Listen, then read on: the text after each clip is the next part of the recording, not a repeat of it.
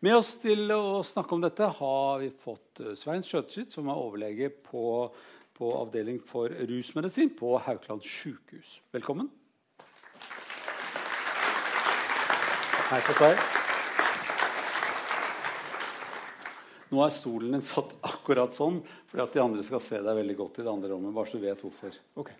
Og min stol er satt akkurat sånn, sånn at jeg ikke skal skygge eller noe annet tull. Jeg skal prøve å sitte på den. Er det greit for dere? Har dere det fint?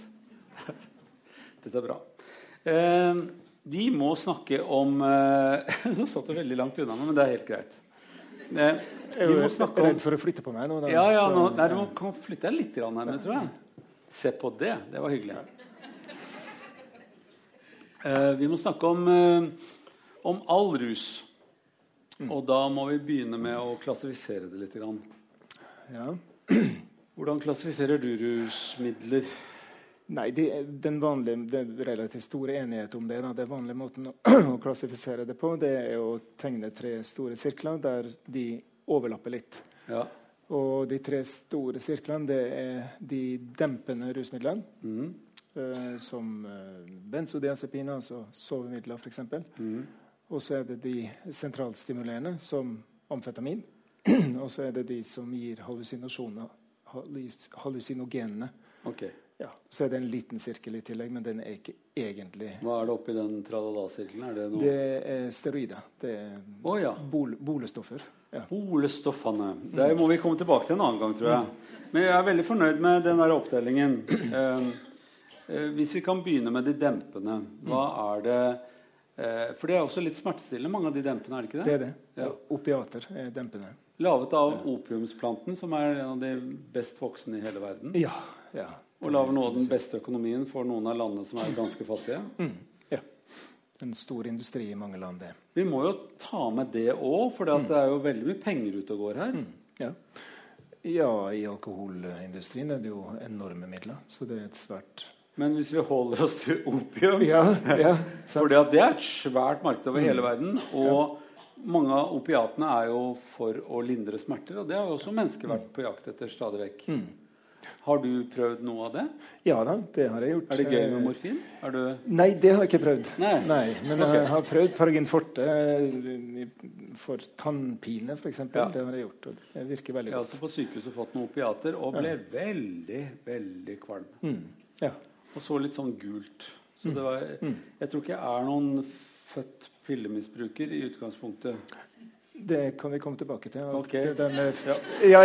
Er det håp for meg òg? Ikke om du er født pillemisbruker, oh, ja. men, eh, men det med født. Okay. Ja, Men kan kan jeg bli en eh, god morfinist, tror du? Ja, Nei, jeg tviler på det. Ja. Hvis du ble veldig kvalm, så er ikke det greit. Jeg ble så kvalm. Det er akkurat som jeg er ikke noen god tobakkrøyker heller. Jeg blir så kvalm og svimmel. Ja, ja. Så, men vi la oss snakke om det likevel. Selv om det ikke gjelder meg. En annen av de dempende midlene er jo alkohol, som var den andre du nevnte. Ja. Mest brukt i hele verden. ja, det er nok det mest brukte rusmiddelet i hele verden, og også i Norge. Ja, Ja. fordi Det at har eh, også litt sentralstimulerende effekter. Det ligger litt imellom. Det er mest dempende, men avhengig av dosen så kan det også ha noe stimulerende effekt. Men er det ikke mye lettere å finne dosen på alkohol enn på morfin? Jo, det kan du si, men det avhenger også litt hvor sterk eh, alkohol du drikker. da, sånn at Ja. eh, det er vanskeligere å finne dosen på brennevin enn det er på øl. Ja. Ja. ja, det skal vi også komme tilbake til. Si. Men eh, flere stoffer i den gruppen, eh, benzodiazepiner som du sa, som Mm. høres veldig langt og vanskelig ut. Hva, hva, valium vet vi om. Ja, Rohypnol? Mest, nei, Rohypnol er nå nesten ute av markedet, mens, Ja. mens eh, et stoff som Imovane er et, det mest brukte sovemiddelet i, i landet. da. Og det går i sånne dempende piller-ting. Ja, det Og det er også fryktelig populært i verdenssammenheng. Mm, det er det. det, er det. Uh, da har vi liksom ringet inn de dempende. Mm. De stimulerende, hva er det for noen ting? Amfetamin er vel det mest kjente. da. Ok, hva laves lages det? Det lages av Det kan syntetiseres eh, i Det høres ut som. Amfevitaminer på en måte. Ja, ja, så det høres nesten litt sånn sunt ut også på et eller annet måte. Det har ingenting med vitaminer å gjøre. Ok. Så det kan man lage selv. for så vidt så kan man lage det selv hvis man har litt innsikt i kjemi og godt utstyr. så er det mulig. Oh, ja. Mm. Så der finner vi crack og Ja. andre sånne som heter litt Mm. gøyale ting. Ja. Eh, De som har sett 'Breaking Bad', har jo innsikt i hvordan Ja. man kan lage det også i storskala. Da. Ja. Mm. Uh, flere stimulerende stoffer. Kokain, eh, Kokain. som lages av kokoblader. Mm. Katt. Ja. Katt er et eh, stoff som er mest populært på den arabiske halvøy. Det Ja. eh, Om ikke veksle med eh, sånn Ikke, hundekatter og hannkatter. Ja, ingenting med det å gjøre. Nei. Nei, for dette skrives med HT, og det er veldig stor forskjell. Man får feil hvis man skriver det med to t-er. Ja, ja, ja, ja. Ok, Dette er ting som fins i naturen, som man kan gå og tygge på. Ja.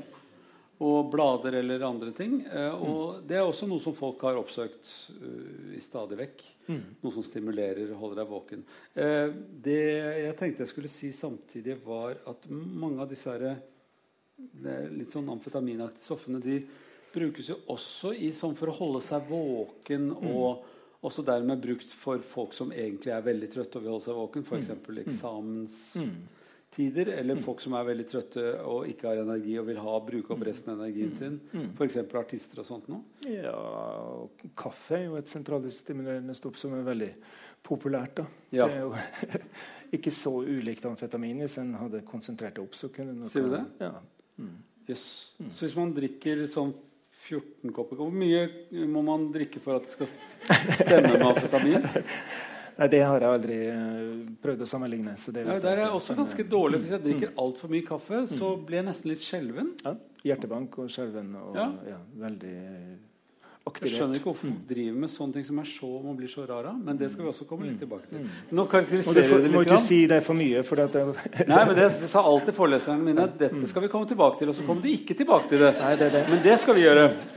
De hallusinogene stoffene, eh, hva er det for noen ting? det er mest kjente der, det er LSD, som ble brukt i, i psykiatrien som et eh, behandlingsmiddel for folk som skulle ha en snarvei inn i psykoanalysen. Eh, Etter hvert så fant man ut at det hadde store problemer knytta til seg. Men, men det er fortsatt enkelte som sverger litt til den, den, si, den det dypdykket i, i, i personligheten eller i, i underbevisstheten som det her da visstnok skal kunne gi. Men det som er hovedeffekten av, av LSD, er at man hallusinerer. Dvs. Si at man ser ting som ikke er til stede, eller hører ting som ikke er til stede. Ja. Det som vi andre prøver, å unngå. Ja, Ja. Hvorfor vil man eh, oppsøke det, da? Det er vel en, på jakt etter en endring i, i uh, sanseopplevelse. Altså at man, man ønsker å, å gi seg sjøl en, en annen opplevelse. En annen, eh, san, et annet sanseinntrykk. Sterkt sanseinntrykk, gjerne. Noen ganger så blir det her veldig skremmende. Andre ganger så kan det eh, oppleves som veldig spennende og, og godt. Ja. Mm. Hmm. Har du vært i nærheten av noe sånt nå? Nei, det har jeg ikke vært. Nei. Men det fins uh, stoffer i vår, si, vår kjø kjø- kjøkkenbenk som kanskje kunne gi noe lignende. Nå vel? Er Muskat. sånt Muskatnøtt? Ja, muskatnøtt kan gi Eh, hvor mye skal man spise av det? Ja, det er ikke så du- veldig, veldig godt. Nei, du må tygge i deg en hel en. En hel nøtt. En hel nøtt? For å begynne å kjenne på de der. Ja.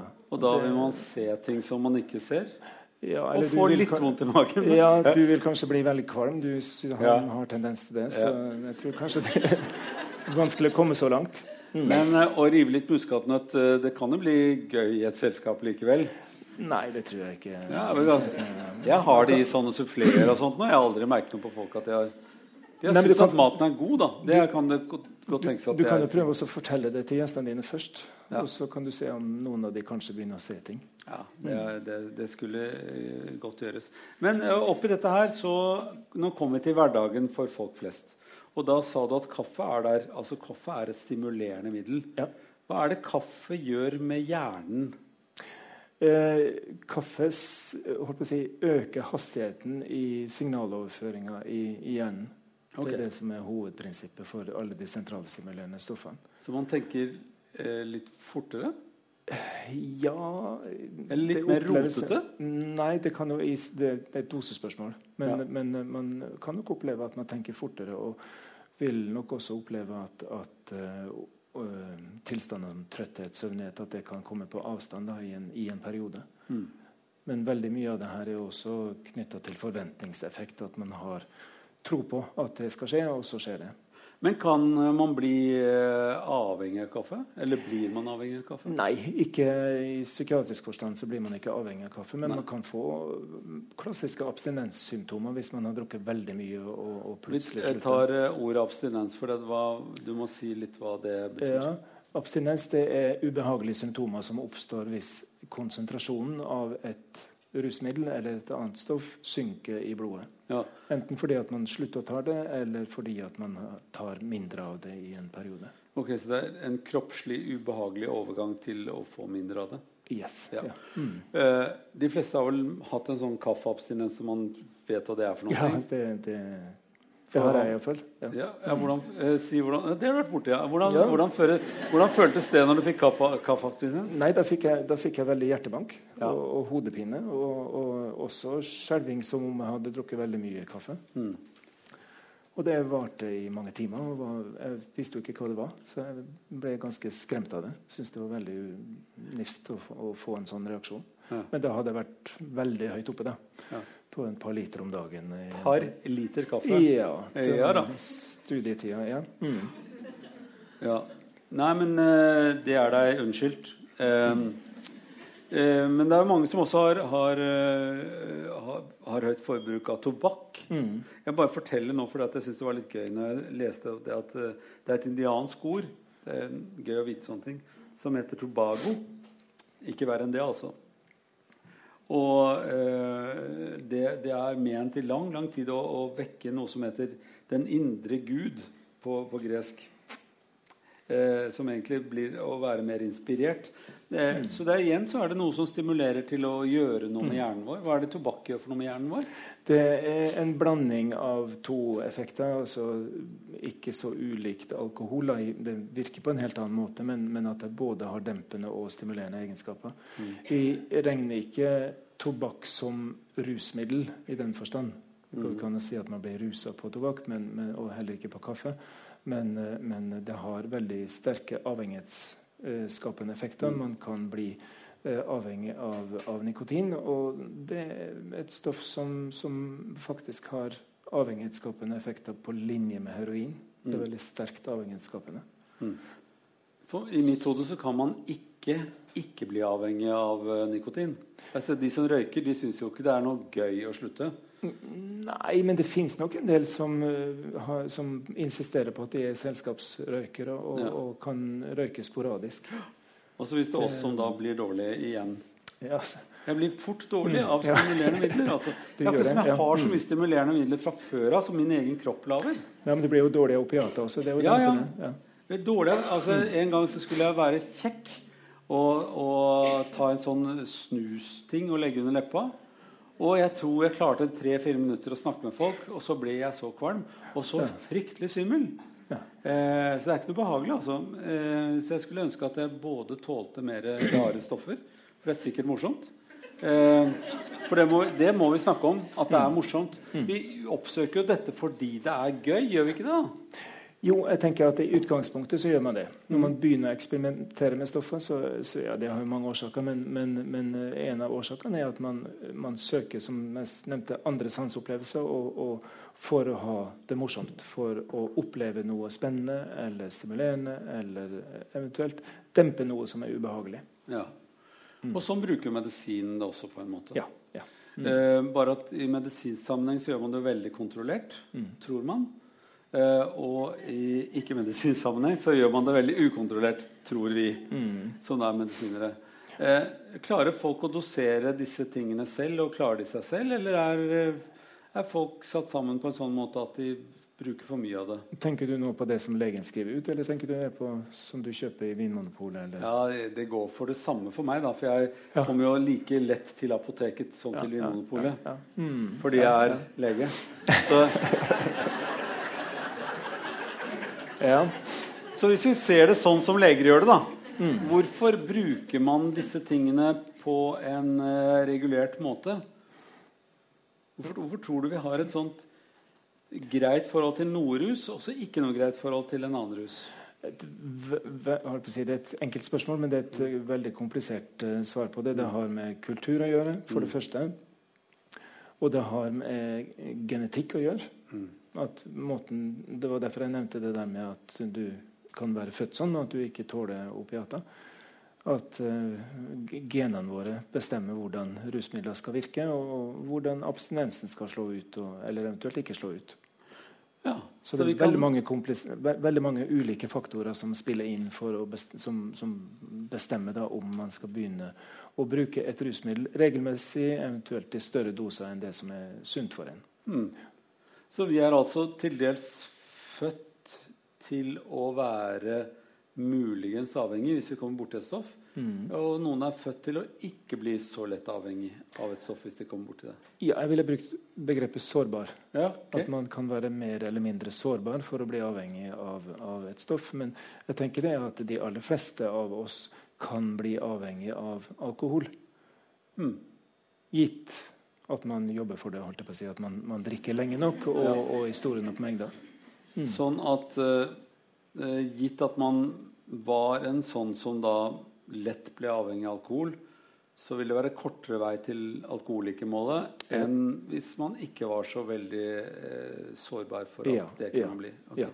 Er det sånn med alle typer avhengigheter, tror du? Det er sannsynligvis det. At det er en vesentlig genetisk komponent i det.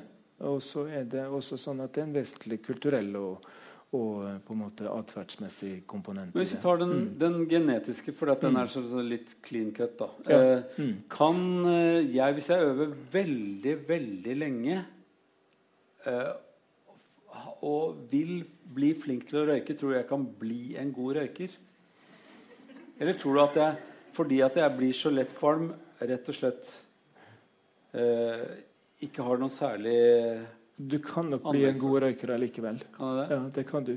Det er, det er noen eh, folkegrupper i, i, Asia som mm. har vi kaller det innebygd antabus. altså De har en kroppslig reaksjon, en enzym variant som gjør at de reagerer som om de hadde tatt, uh, tatt uh, antabus. Det skal vi komme tilbake til senere, hvordan det virker. Men at de blir rett og slett veldig syke av å drikke alkohol. Ja. Men også de kan bli alkoholavhengige.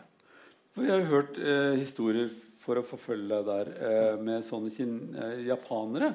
Mm. Ikke bare at de er små, men at hvis de får litt å drikke, så blir de så veldig fulle av litt å drikke. Eller syke, da. Ja, syke. Eller, ja, Men det ser ut som fyll. Det kan, det kan nok fort se ut som fyll. Ja, ja. Så hvis mm, de får litt alkohol inn, så klarer de ikke å bryte det ned i kroppen sin. Nei, nei. Så de får et veldig høyt alkoholnivå, og dermed mm. blir mm. veldig fulle av veldig lite. Mm. Uh, tror du det er forskjellen på, på, oss som drikker mye og lite i dette samfunnet også, at de som drikker lite, kanskje ikke er så veldig tilvant å bli full? Det, det, er som sagt eh, veldig mange faktorer som spiller inn. og jeg tenker det at, at uh, Den oppdragelsen man får, altså det man lærer seg på veien til å bli voksen, har en vesentlig mm. effekt. Tilgangen på alkohol har veldig mye å si. Mm. Altså Hvor billig det er, og hvor lett det er å få kjøpt det, og, og, hvor mange skjenkesteder det er rundt i byen, det har også veldig mye å si for mm. hvor mye alkohol som drikkes i et samfunn. da. Ok, Så i gamle dager, da vi lagde det sjøl, så var det kanskje litt annerledes Det var mer regulert? For da var det veldig sånn sosiale eh, kniper mm. på når man kunne drikke. Man skulle, som jeg sa, man kunne drikke når det var barn som ble født, eller når det var mm. bryllup, eller når det var noen som var død. Altså, mm. Så kunne man eh, ruse seg sammen med alle de andre i en gruppe. Ja nok litt skeptisk til det at, at den gangen man produserte alkohol sjøl, så var det mer regulert. Jeg mm. tenker nå, jeg vokste opp på landsbygda i Trøndelag og har nok absolutt sett noe deregulert alkoholbruk okay. Eh, på eh, hjemmebrent. Det var jo ofte det, blandet med kaffe, var det ikke det? Sånn at det var skjult? Det var blanding med kaffe, ja. Okay. ja. Mm, det var ikke eh, spesielt skjult. Men det var, mm, mm. Ja, for det er det gamle trikset at du skal ha et mynt i bånd. Tiåringen, ja. ja. Tiåringen i bånd. Mm. Kaffe til den ikke syns og brennevin til den syns igjen? Ja. Oh, ja. Mm. Ok, Og så ser du den ikke likevel, så da kan du bare drikke det opp. Var det noen som da, etter at de hadde drukket, ble litt forbauset over at det ikke var tiåringen der heller? Eh. Det kan godt være. Men ja. på, på, den tida så, så, var nok kulturen altså sånn som jeg husker kulturen, så var, var det, det handla den om å bli veldig berusa. Ja. Det var viktig å bli veldig berusa og fortelle historier om det, eller at det ble fortalt historier om det. da. Om hvor full det var, og hvor lite du huska. og sånt. Det var, Ja, for lite du husker er vel ikke en eh, sånn veldig, veldig populær ting lenger. Nei, det har nok skjedd endringer der. Ja. Altså I ungdomskulturen så har det nok skjedd endringer der. Det ser ut som om ungdomskulturen gjorde et skifte rundt uh, årtidsskiftet 90 til 2000, altså 99 til 2000. Det, en femårsperiode der der alkoholbruken blant ungdom flata ut. Og, og etter det så har det vært en viss nedgang i alkoholbruk blant ungdom. Og det er veldig mye trender som, trendanalyser som tyder på det at det, er ikke så kult å være så veldig full lenger. Nei. Det er jo en bra ting. Det er jo en bra ting, så vidt jeg vet. Eh, det å ikke huske noen ting er jo også en slags skalkeskjul. For jeg har jo lest forskning om at hvis man sier at eh, nå blir jeg så full at jeg ikke husker noen ting, så kan man plutselig gjøre ting som man etterpå liksom ikke husker. Ja. Og så kan man liksom drikke så mye at man liksom ikke husker det man eh, Så det kan bli en veldig sånn liksom-lek. Eh, og noen som da ikke hadde drukket alkohol i det hele tatt, de sa at nå blir jeg full fordi at det er sosialt akseptabelt. Og så plutselig så ble man sånn at man gjorde ting som alle de andre gjorde i fylla. Ja. Så det er liksom der, den går over et slags psykologisk spill, dette her. Ja, det, det, blir jo sagt at det løser på hemningene. og sånt, og Det er klart at det kan det nok til en viss grad gjøre, men det er også en veldig betydelig andel i den effekten som er tillært. Mm. Altså at man må på en måte vite hvordan alkohol skal virke for å få full effekt av det. Mm. Eh, Jeg nevnte litt før vi kom inn her om, om at det går an å, å lure folk til å tro at de har drukket alkohol, og få dem til å bli ganske fulle Ja. Og ustyrlige. ja, så det er sånn illusjonisttriks-ting. Ja, det kan være altså Det jeg nevnte for deg, var et sånn uh, hypnosetriks. Men, men det er også gjort eksperimenter der man, man gir folk eh, en drink som smaker Det er Tom Collins-drink det er snakk om, for den, den er veldig vanskelig å kjenne om det er alkohol i den eller ikke. Og de som da får vite at de får alkohol, de blir fulle enten det er alkohol i den eller ikke. Mm. Opp til et visst nivå, da. Ja. Mm. Men så er det de som, som faktisk bruker rusmiddel for å bli kvitt noe som er reelt i livet. Altså som vil bort fra noe. Mm. Enten fordi at det hjelper deg å ikke huske eller ikke kjenne hvor vondt det var. Eller, eh, så det, det, er jo noen som Og disse er en liten del av de samfunnene som, som sliter med det absolutt hver dag. Som kalles rusmisbrukere for tiden. Men Ja, eh, ja. man kunne kalt det mye annet rart også. Vi forsøker vel å unngå å bruke akkurat det ordet rusmisbrukere. Vi- Ja, det er mange ord vi ikke bruker, men Ja, vi mener det samme. ja, ja, hva, det, ja. hva skal vi kalle det nå, da? Eh, vi kaller det avhengighet. Ok, Ja, den er grei. Den Jeg, som folk har. jeg skjønner ikke hvorfor skiftet det der, der men eh, ok, avhengig av rus Eller avhengig av rusmidler. Avhengig av rusmidler. Ok, avhengig av rusmidler. Mm. Skal se om jeg kan lære meg det. Ja, um, ja. Mens eh, misbruk kaller vi noe skadelig bruk.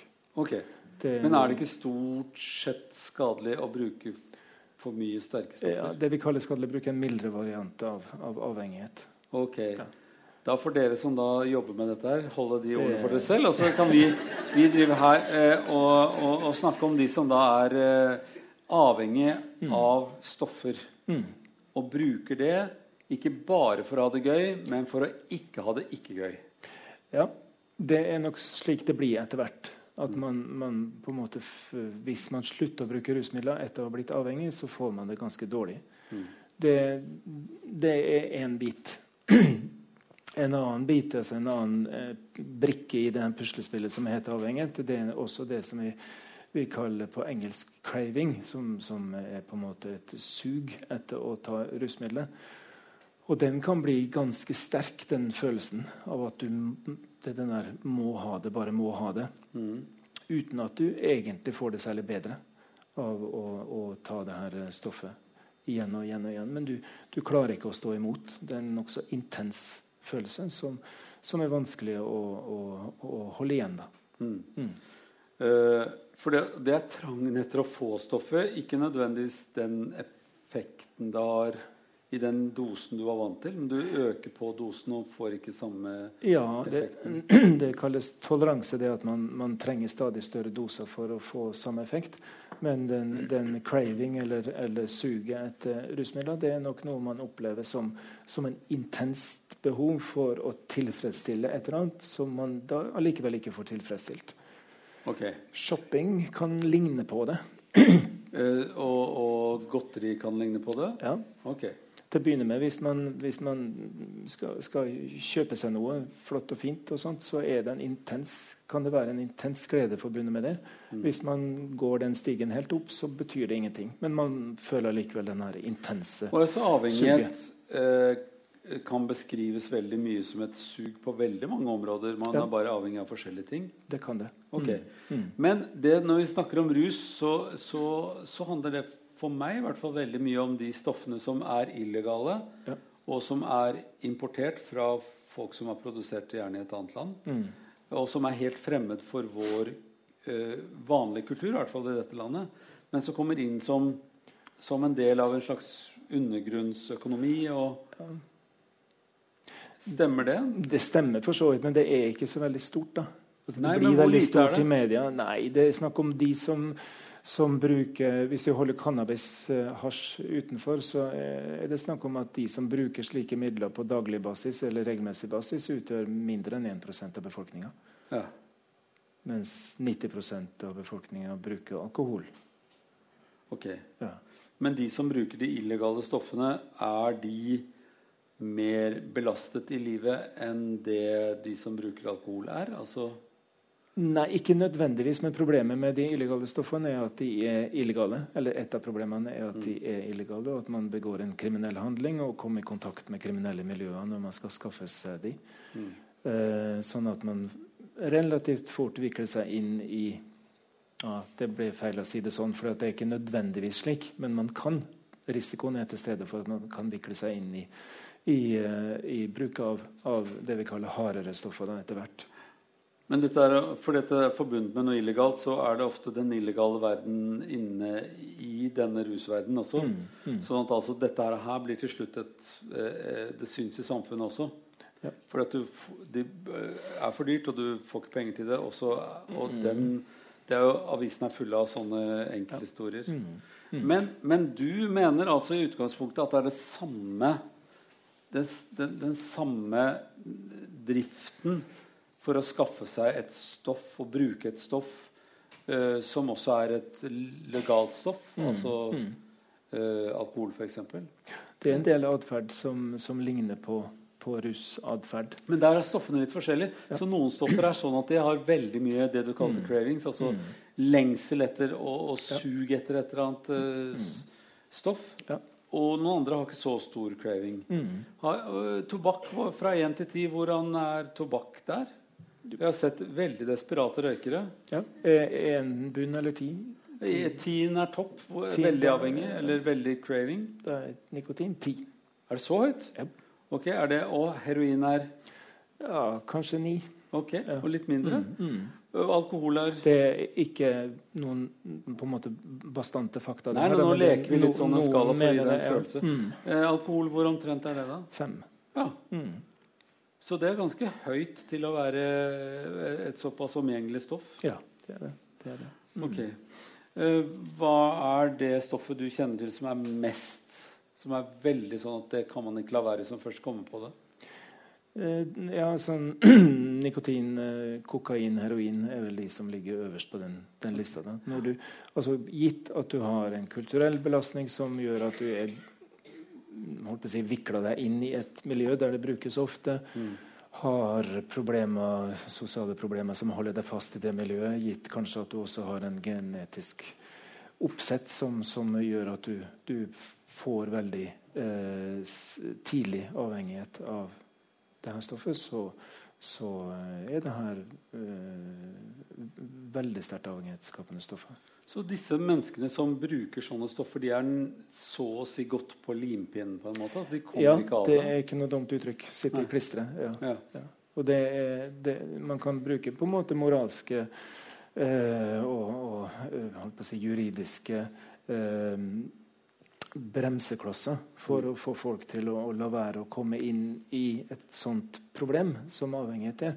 Men når man skal ut av det, så holder det ikke å være moralsk. Da, da, er det snakk om at folk har blitt syke og trenger behandling og trenger mm. hjelp for å komme ut av det. Man ser jo, eh, Jeg har jo sett og vært i nærkontakt etter hvert også med, med, med folk som er, er, er, veldig avhengig av sånn stoff. Mm. Og eh, de sliter jo med kroppen og med livet sitt. Mm. Og allikevel, så hver dag reiser de seg. Og jeg, tror et, et vanlig et vanlig oppegående menneske ville ikke ha reist seg hver gang disse menneskene gjør det. altså. Nei, det er noen av de her som har hjernehelse. Det er det virkelig. Selv om det ikke ser ut sånn? Selv om det ikke ser ut sånn, ja. Men det er også sånn at det er veldig mange som dør av det. Ja. ja. Så igjen så er det overgangen til sykdom her er, mm. er avhengig av hvordan man ser det. F.eks. ser man det fra vår side, ser det annerledes ut. Mm. Men hvis man ser det fra noen fordomsfulle mennesker som mm. mener at også de kan klare seg sjøl. Ja, Det trenger ikke gå så veldig mange tiår tilbake før også folk som hadde vår utdanning, så på det her som et veldig moralsk lada problem. da. Mm. Så vi sitter litt i glasshus, sånn sett. Mm. Men det som da lager mest problemer i Norge det, nå, skal vi, nå, skal vi, ta de tre som, som jeg har pekt meg ut. Må du si om det er feil. Men altså, jeg har liksom pekt meg ut alkohol, eh, eller etanol, som det heter da, på veldig mm. fint. Mm. Mm. Eh, og, eh, og diazepiner. Benzodiazepiner. Benzodiazepiner ja. mm. Som er liksom eh, veldig mange stoffer som er i pilleform.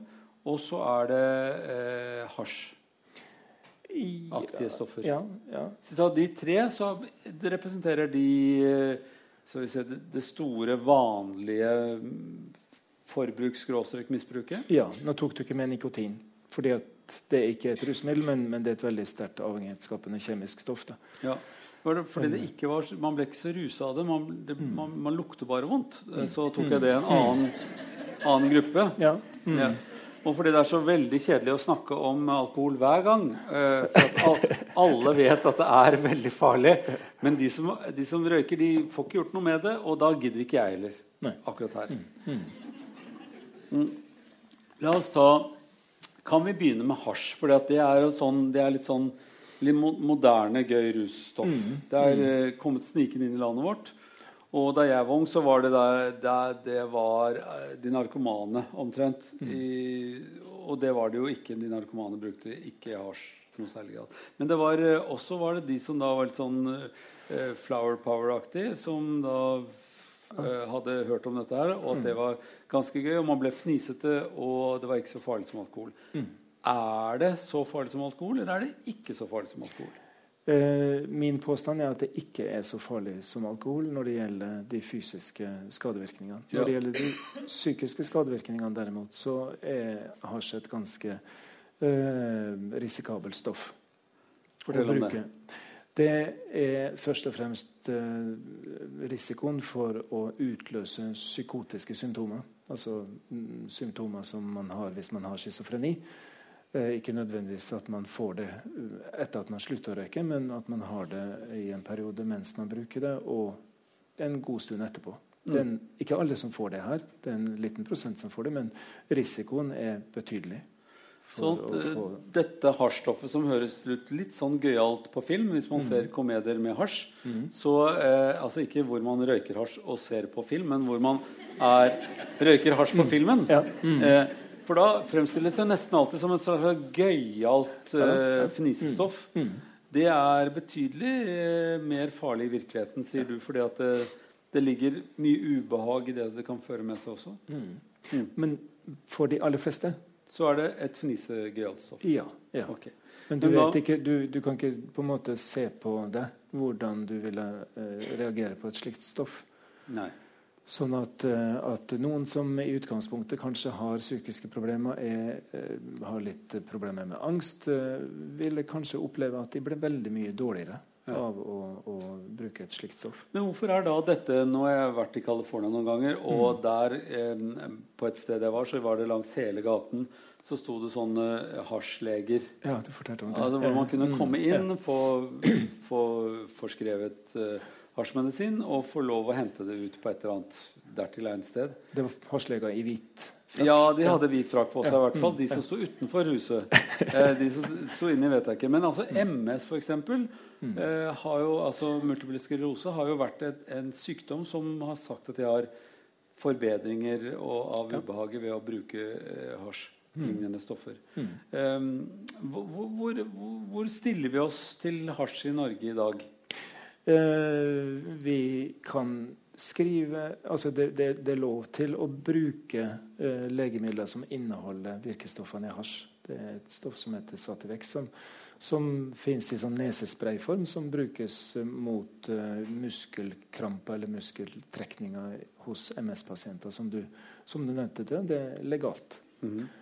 Og det går godt an å fremstille legemidler av eh, cannabis mot en del andre tilstander, mot kvalme bl.a. og mot eh, smerte, som, som, er effektive legemidler. Gir det også rus? Altså Får disse rus av det også? De får nok en viss rus av det hvis de bruker det i store doser. Det, det håper jeg da endelig, hvis de har mm. muskelkramper og MS, at de får litt gøy ut av dette stoffet. ja. Mm, ja. Det må jo være lov. Mm. Mm. Eh, at, eh, du sier også at det ikke er et så farlig stoff som alkohol på lang sikt eller i stor sammenheng. Eh, eh, men allikevel så er det jo et illegalt stoff for de aller fleste i Norge som ikke kan skrive det ut. Mm.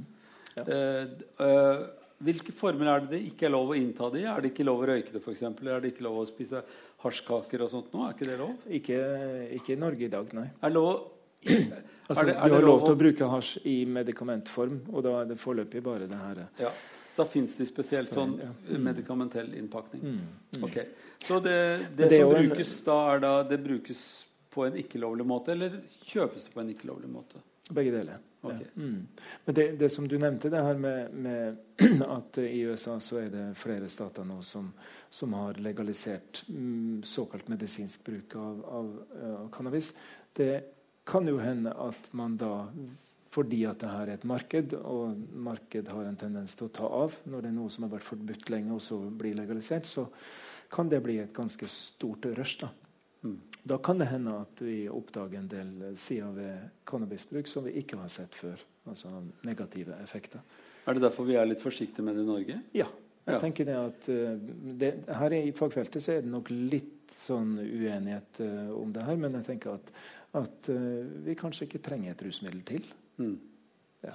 Hvis jeg hadde vært 16 år nå, så hadde jeg tenkt å, er det ikke så farlig? Er det mindre farlig enn alkohol? Ja, ja da vil jeg finne meg en busk og prøve det bak. Mm. Mm.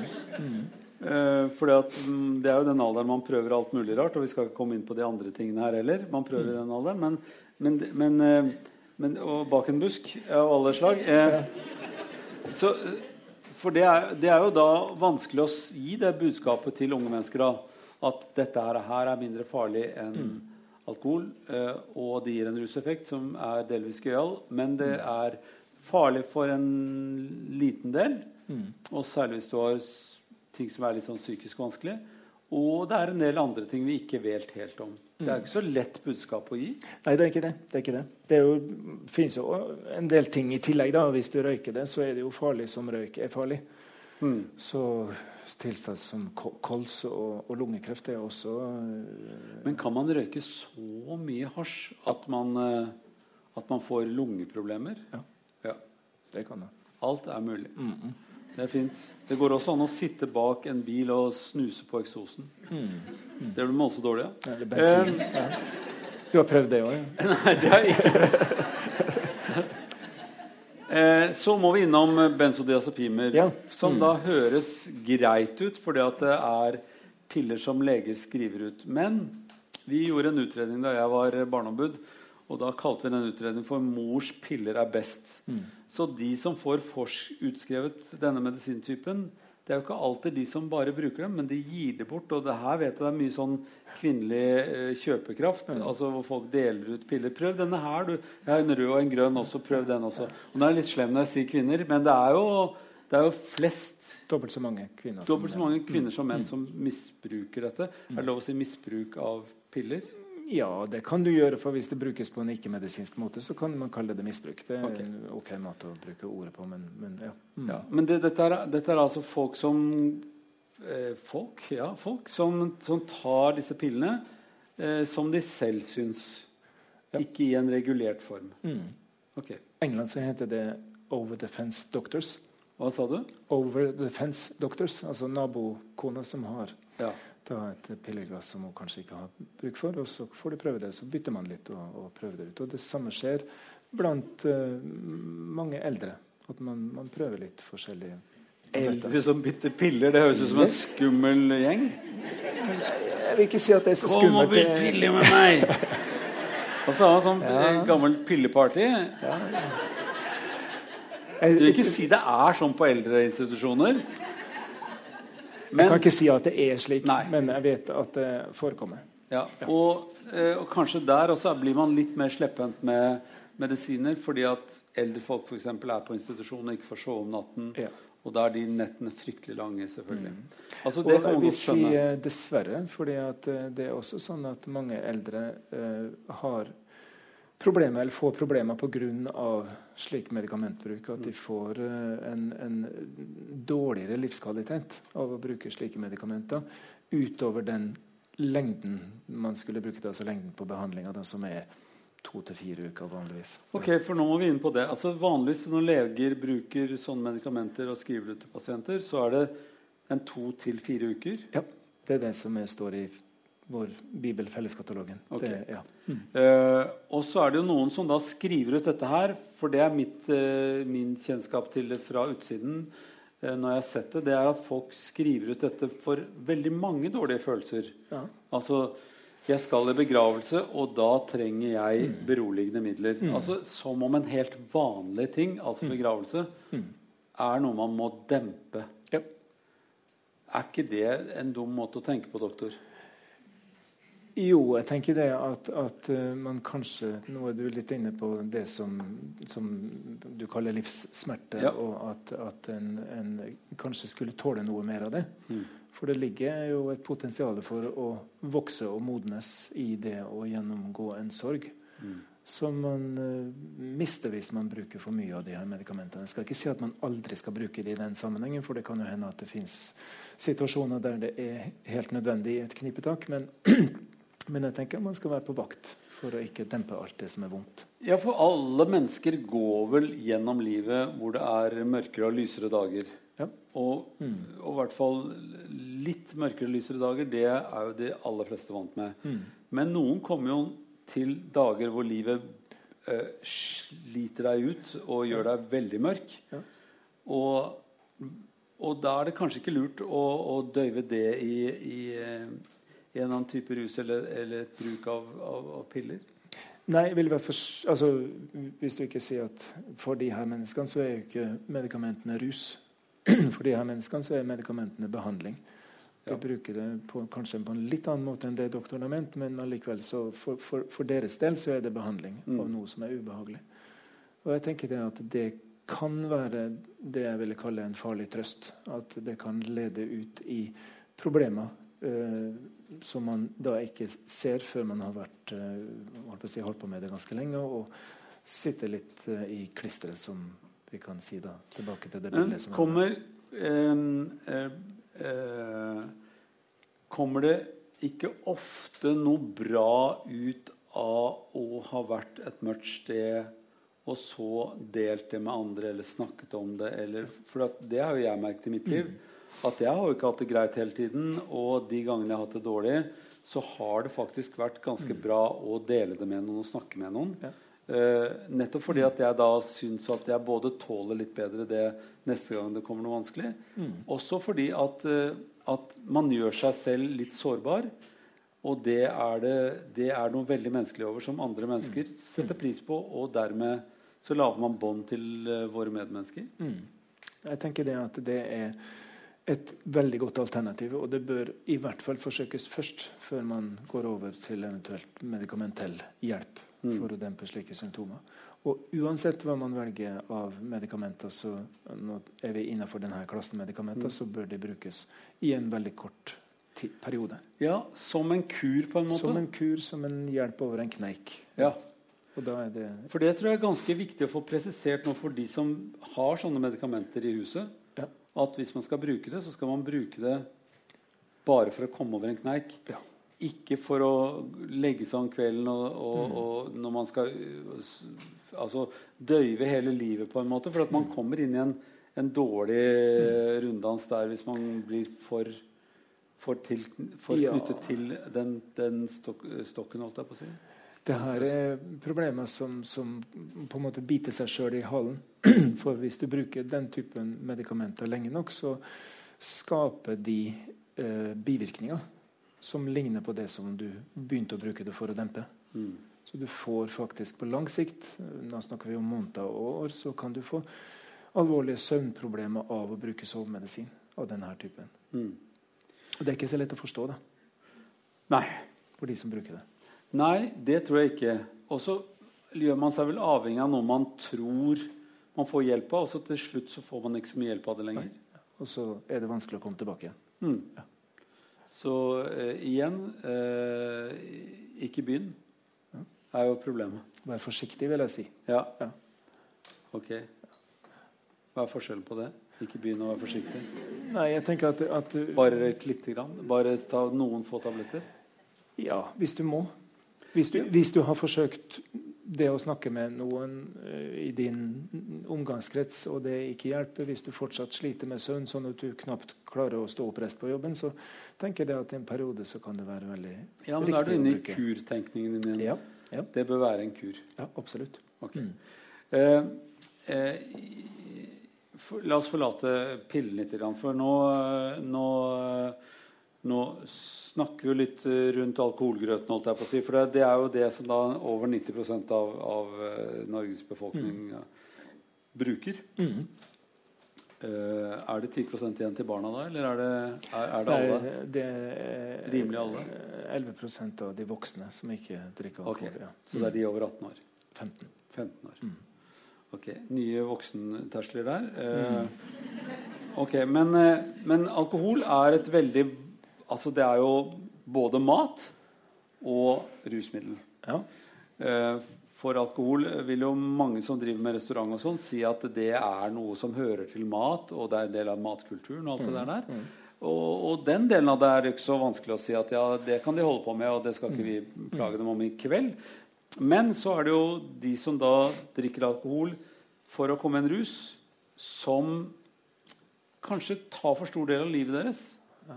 Som blir også til et slags problem.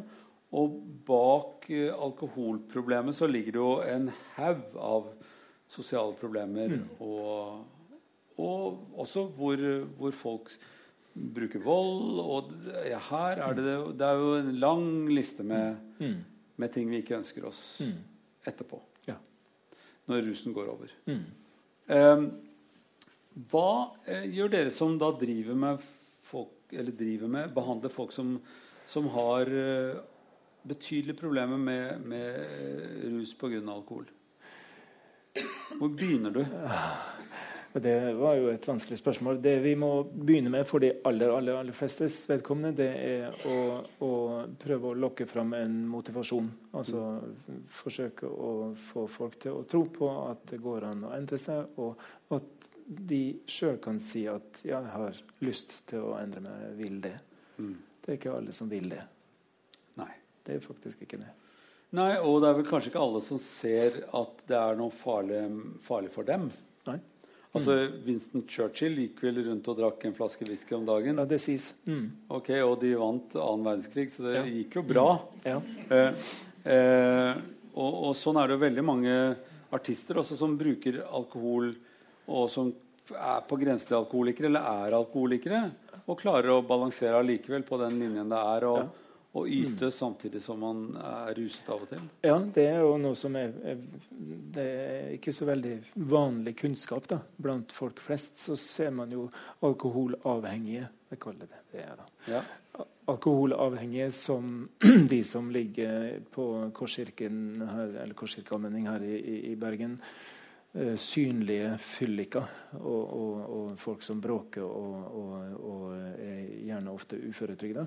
Men amerikanske tall tyder på at uh, vi kan ha så mye som en 75% av de som er alkoholavhengige, som er i jobb og har familie. Mm. Så de aller fleste alkoholavhengige er i jobb og har familie. Ja. Fungerer sosialt på et vis. Ja, så, så, så 75% av dem klarer likevel å håndtere dette bruket. Ja. Mm. heter det da misbruk, eller heter det bruk? Nei, nå er vi inne på det alkoholavhengige. Ok. Ja. Ja, Så de må ha alkohol? Mm. Ok. Hver dag. Hver dag. Ja. Hvem er det det i utgangspunktet går utover, bortsett fra alkoholikeren selv? Da vil det sannsynligvis gå utover eh, familie. Hvis han eller hun har familie, så vil det gå utover familie eller venner. Det vil også i stor grad gå utover arbeidsgiveren. Altså de, den aller største andelen av utgiftene det norske samfunnet har pga. alkoholbruk, det er næringslivet. Tapte arbeidsfortjenester altså, eller tapte inntekter, tapt produktivitet. Korttidssykemeldinger og den typen ting som, som, går, som koster veldig mye penger. Mm. Så det går utover arbeidsgiver, det går utover skole, det går utover familie. Og det går utover oss som ikke drikker i trafikken. Ja. Når man møter en trafikant som har Ja. drukket alkohol. Ja. Og det kan godt hende at vedkommende har null i promille, men, men uh, ikke nødvendigvis i stand til å kjøre bil for det. Mm. Mm. Fordi Fordi at man har abstinenssymptomer som, eh, som påvirker kjøreferdighetene. Hva er abstinens?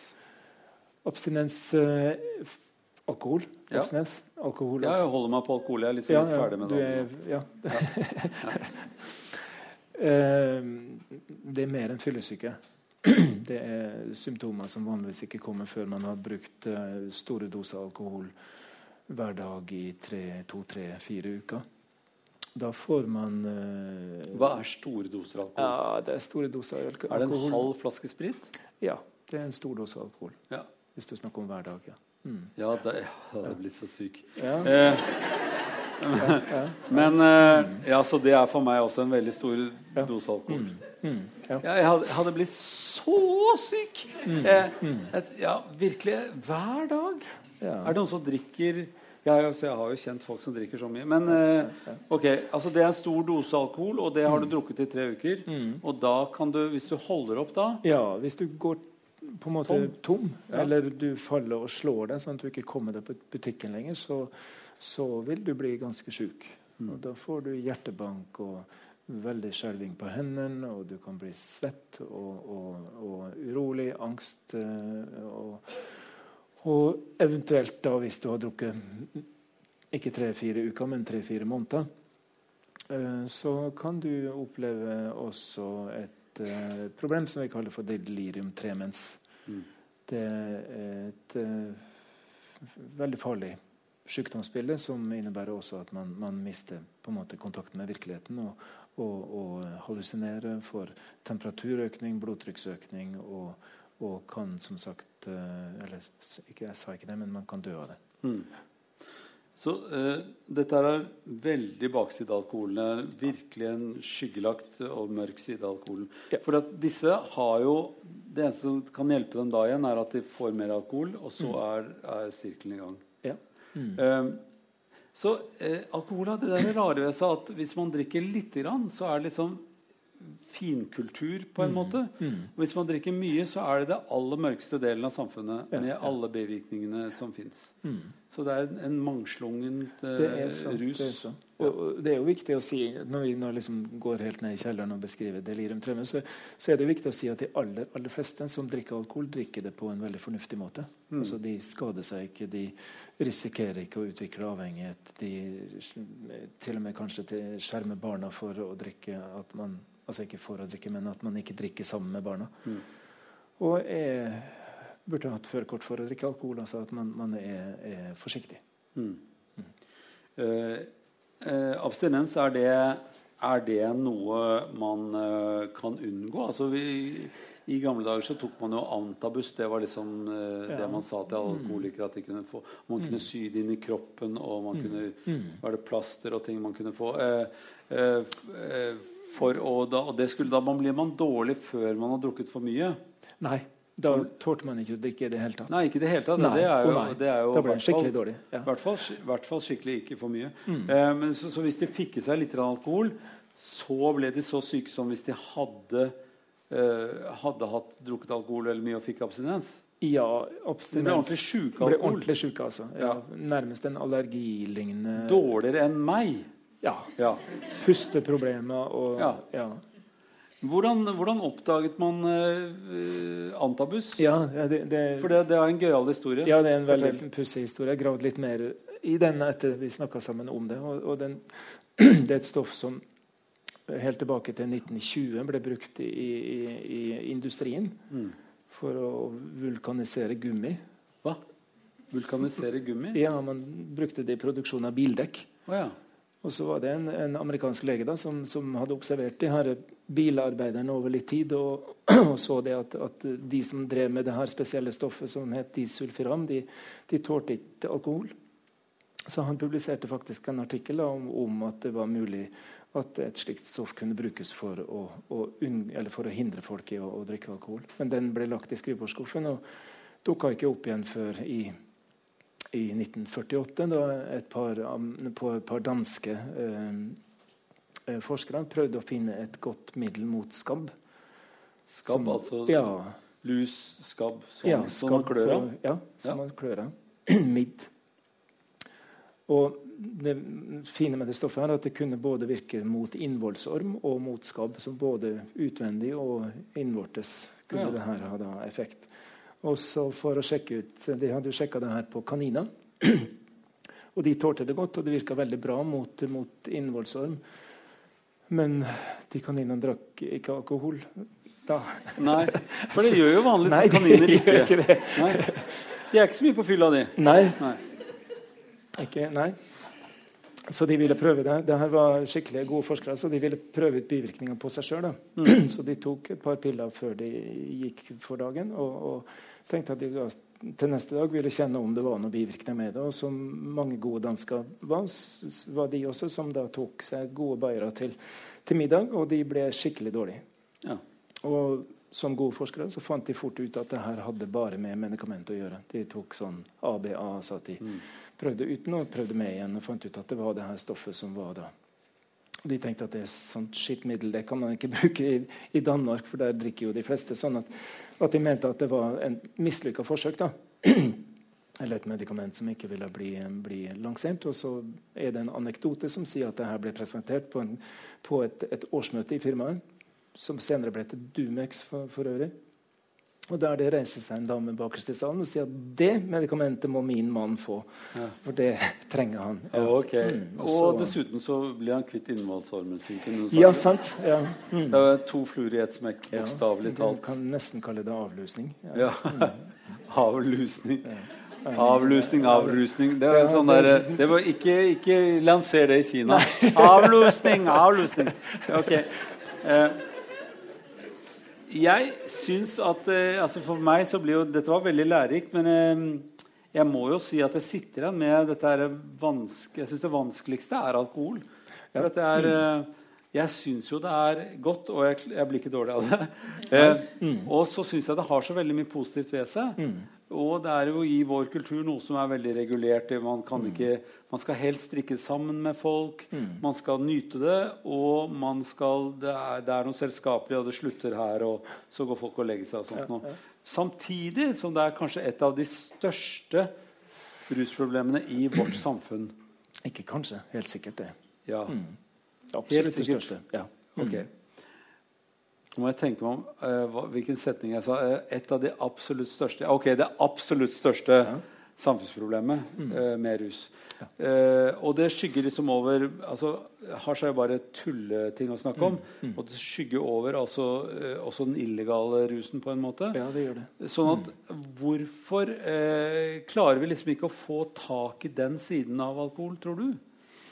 Det er vanskelig å si. altså Jeg tenker vel det at, at, at det er en del av kulturen vår. Og, og også det at de aller fleste klarer å, bruke alkohol på en fornuftig måte og uten uh, for mye helseskader. Sånn at jeg tenker at, at det er et stoff som, som hører til hos oss, og som vi sannsynligvis aldri uh, skal ikke si bruke ordet 'bli kvitt', men vi ønsker ikke å bli kvitt det heller. Mm. Så jeg tenker at det er en vesentlig del av, av forklaringa. Det er også mye Du var inne på det her helt til å begynne med med skam. Forbundet med å innrømme at man har problemer knytta til bruk av alkohol. Og, og, at det fører til at man, man, ikke så lett får tak i de som, som sliter. De her 75 som fungerer i familie og arbeidsliv, de eh, ber sjelden om hjelp. Det er veldig mange av de som, som ikke eh, blir diagnostisert, ikke blir oppdaga av, av, helsevesenet. De, de, går under radaren, for å si det slik. Mm.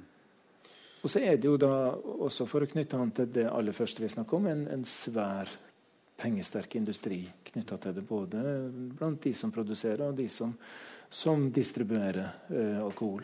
Mm. Mange arbeidsplasser Store beløp. Så på den ene siden så drar uh, markedskreftene på en måte i oss. Ja. Og da kan man i hvert fall være glad for én ting av det du, det du sa, uh, at, at, ungdom syns ikke det er så populært lenger å Nei. bli så veldig full. Det er en helt klar trend. Ja. Og mm. kanskje det er begynt å bli veldig upopulært å ikke huske noen ting fra dagen før. Ja. Mm. Det syns jeg var en fin konklusjon. Mm. mm. Tusen takk for at du kom, og takk for at dere hørte på. Ja.